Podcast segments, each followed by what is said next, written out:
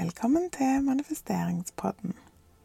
I dag prater jeg litt på Snapchat om at jeg har vokst opp med mye psykisk vold, og hvordan jeg de siste årene har klart å kutte kontakt og finne ut hvem jeg egentlig er, nå når jeg kan leve uten å bli kontrollert av noen andre. Så i den forbindelsen så var det mange som lurte på hvordan jeg hadde funnet ut hvem jeg egentlig er. Så denne episoden blir litt annerledes, men jeg tror likevel at alle kan ha gleden, glede av den. Eh, kanskje han til og med kan hjelpe deg å finne ut enda mer av hvem du egentlig er. Det er jo en evig prosess for oss alle, vil jeg tro. Jeg har jobbet med meg sjøl og vært opptatt av person, personlig utvikling så lenge jeg kan huske. Eh, men jeg har òg hatt kontrollerende og manipulerende mennesker tett på meg så lenge jeg kan huske. Så jeg har eh, vært god på teorien, men ikke klart å sette alt jeg har lært, ut i praksis. Fordi jeg ble alltid dratt inn i gamle mønster hvor jeg gjorde meg sjøl liten for å prøve å gjøre andre mennesker glade. Det var utrolig frustrerende fordi jeg klarte ikke å se sjøl hva som skjedde, så jeg trodde at jeg bare var veldig dårlig på personlig utvikling, eller at jeg ikke klarte å endre meg. Eh, at det var liksom meg det var noe galt med, da. Men når jeg begynte å innse eh, hvilke mønster jeg var en del av, så forsto jeg mer av hvorfor jeg aldri klarte å få det bra med meg sjøl, da.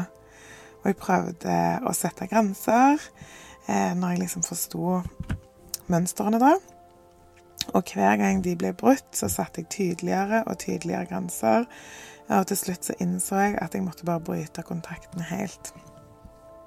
Og for en lettelse det var. Eh, og sakte, men sikkert så følte jeg at jeg fikk hodet over vannet, klarte å tenke mer og mer klart, og samtidig så ble jeg òg mer og mer usikker på hvem jeg egentlig var. Når jeg ikke skulle tilfredsstille andres behov hele veien, hvem var jeg egentlig da? Når ingen skulle fortelle meg om alle feilene mine eller gi meg konstant dårlig samvittighet, altså hvem er jeg egentlig? Eh, det var mye løgner som kom til overflaten, og jeg begynte liksom å tvile på hele livet mitt. Hva hadde jeg egentlig skjedd fram til nå, og hvem er, hvem er, jeg nå? Hvem skal jeg være fra nå av? Um, så for meg har det vært, og er fremdeles, en veldig spennende prosess, men òg krevende, helt klart. Og så utrolig verdt det. Eh, jeg har òg snakket med en coach som heter Joanna. Hun er et helt magisk menneske. Hun har lært meg så mye om meg sjøl og hvordan jeg kan komme i kontakt med mine egne følelser og tanker. Så jeg skal ta og legge en link til hjemmesiden hennes i episodebeskrivelsen. Eh, I tilfelle du har lyst til å jobbe mer personlig med egne tanker og følelser, så kan jeg virkelig anbefale hun på det varmeste. Og en av de første tingene jeg gjorde, det var å lage et lite notat på mobilen hvor jeg skrev ned ting jeg likte å gjøre.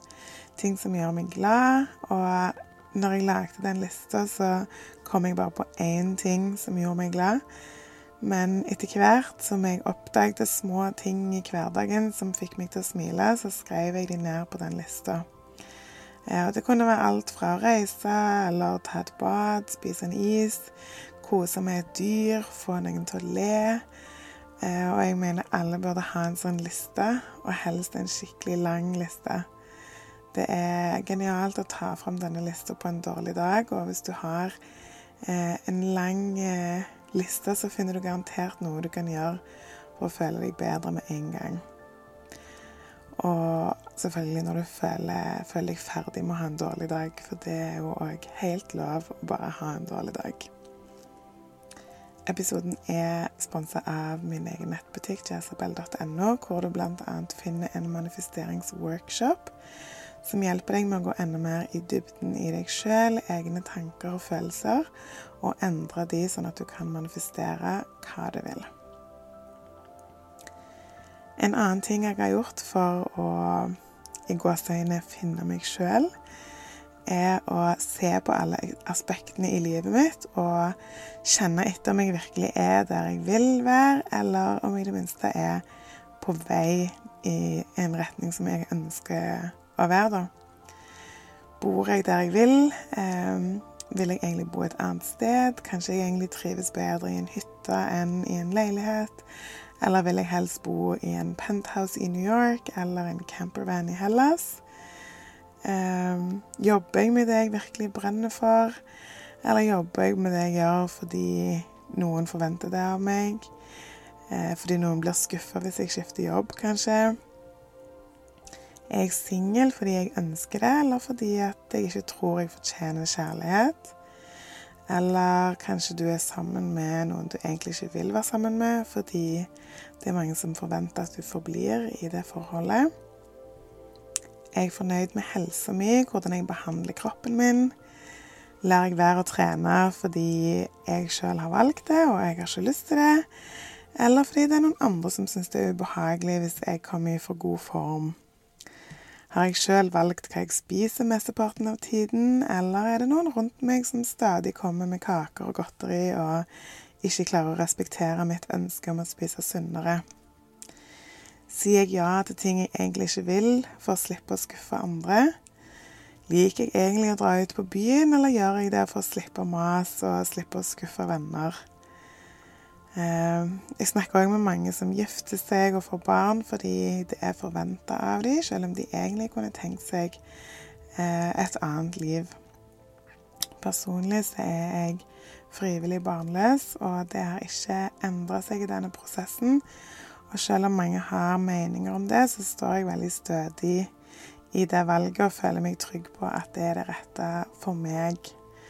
Så hvis du skal ta én ting med deg fra denne episoden, så er det å våge å stole på at du sjøl vet hva som er best for deg.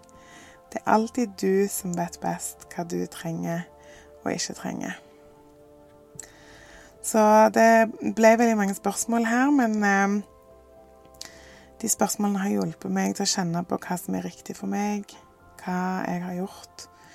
Bare for jeg er vant til å på en måte prøve å styre andre sine følelser og hva jeg vil gjøre når jeg ikke skal styre andre sine følelser.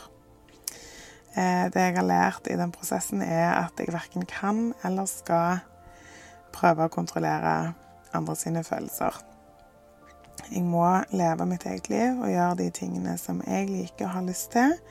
Og hvis noen blir skuffa over det, så tåler de det. Voksne folk, de tåler å bli skuffa. Og det er ganske deilig å innse. Og nå er jo jeg et voksent menneske òg. Eh, jeg kan passe på meg sjøl, og jeg er ikke avhengig av å prøve å styre andre sine følelser for å være trygg sjøl. Jeg kan skape min egen trygghet. Så um, jeg håper du likte denne episoden, og jeg håper du får en skikkelig god helg. Vi høres.